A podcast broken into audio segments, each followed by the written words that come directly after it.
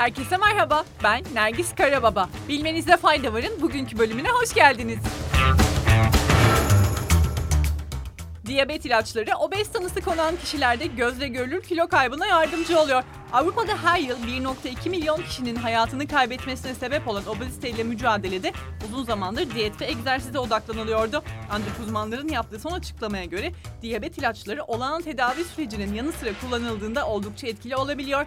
New England Journal of Medicine'de yayınlanan ve 72 hafta süren bu araştırmada obezite hastalarına haftalık 5 mg tirzepatid verildi ve ortalama 104 kilo olan katılımcılarının vücut ağırlıklarının %20'sini kaybettikleri görüldü.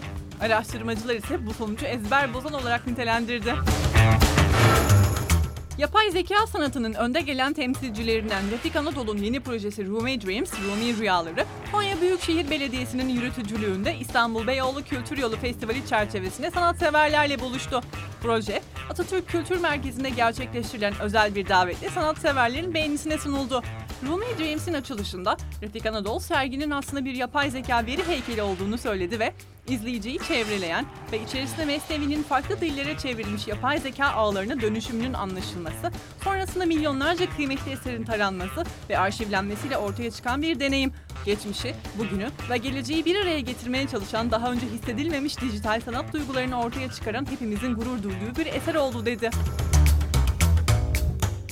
Hepimizin heyecanla izlediği Fransa açıkta 14. kez şampiyon olan İspanyol raket Rafael Nadal 22. Grand Slam şampiyonluğuna ulaştı. Başkent Paris'te düzenlenen turnuvada Nadal Norveçli Casper Ruud ile karşılaştı.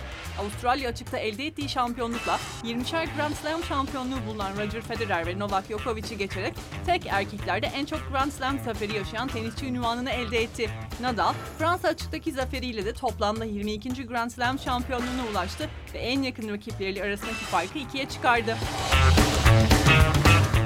Mercedes, dünya genelindeki yaklaşık 1 milyon aracını geri çağıracağını duyurdu. Yapılan açıklamada Mercedes-Benz'in söz konusu araçlarında korozyonun en kötü durumda fren pedalı ile fren sistemi arasındaki bağlantının kesilmesine yol açabileceği belirtildi.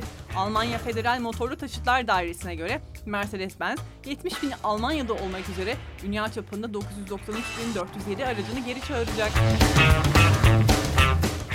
Sırada ilginç bir haberimiz var. Kaliforniya'da bir temiz mahkemesi bu hafta aralarını yasal olarak balık diye sınıflandırılabileceğine karar verdi. Mahkeme heyeti bu şaşırtıcı kararı tehdit altındaki yaban arısı türlerini korumak için bir yasal boşluktan yararlanma amacıyla aldı.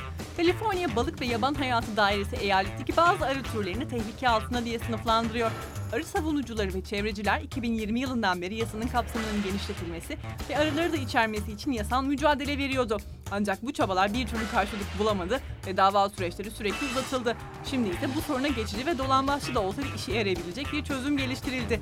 Aktivistler nesli tükenmekte olan türler yasasındaki balık tanımının genişletilmesini talep etti ve böylece yasada bahsi geçen balık yumuşakça, kabuklu, omurgasız, amfibi veya bu hayvanlardan herhangi birinin yumurtası diye tanımlandı. Arılarda tanımı gereği omurgasız diye nitelendiği için yasal korumadan yararlanabilecek. Google Maps çalışanlarının direnişi sonuç verdi ve uzaktan çalışma süresi uzatıldı. Google Maps çalışanları sağlıksız çalışma koşulları nedeniyle ofise dönüş politikasına karşı direnince şirket geri adım atarak uzaktan çalışma süresini 90 gün kadar daha uzattı. The New York Times'ın haberine göre Cognizant taşeron firması için çalışan işçiler ofise dönmek istemeyişlerinin gerekçesi olarak akaryakıt fiyatlarına gelen zamları ve ulaşım ücretlerindeki artışı söyledi. Sözleşmeli işçilerin saat başı 16 ile 28 dolar kazandıkları, bir galon petrol fiyatının ise 5 dolara mal olduğu belirtildi.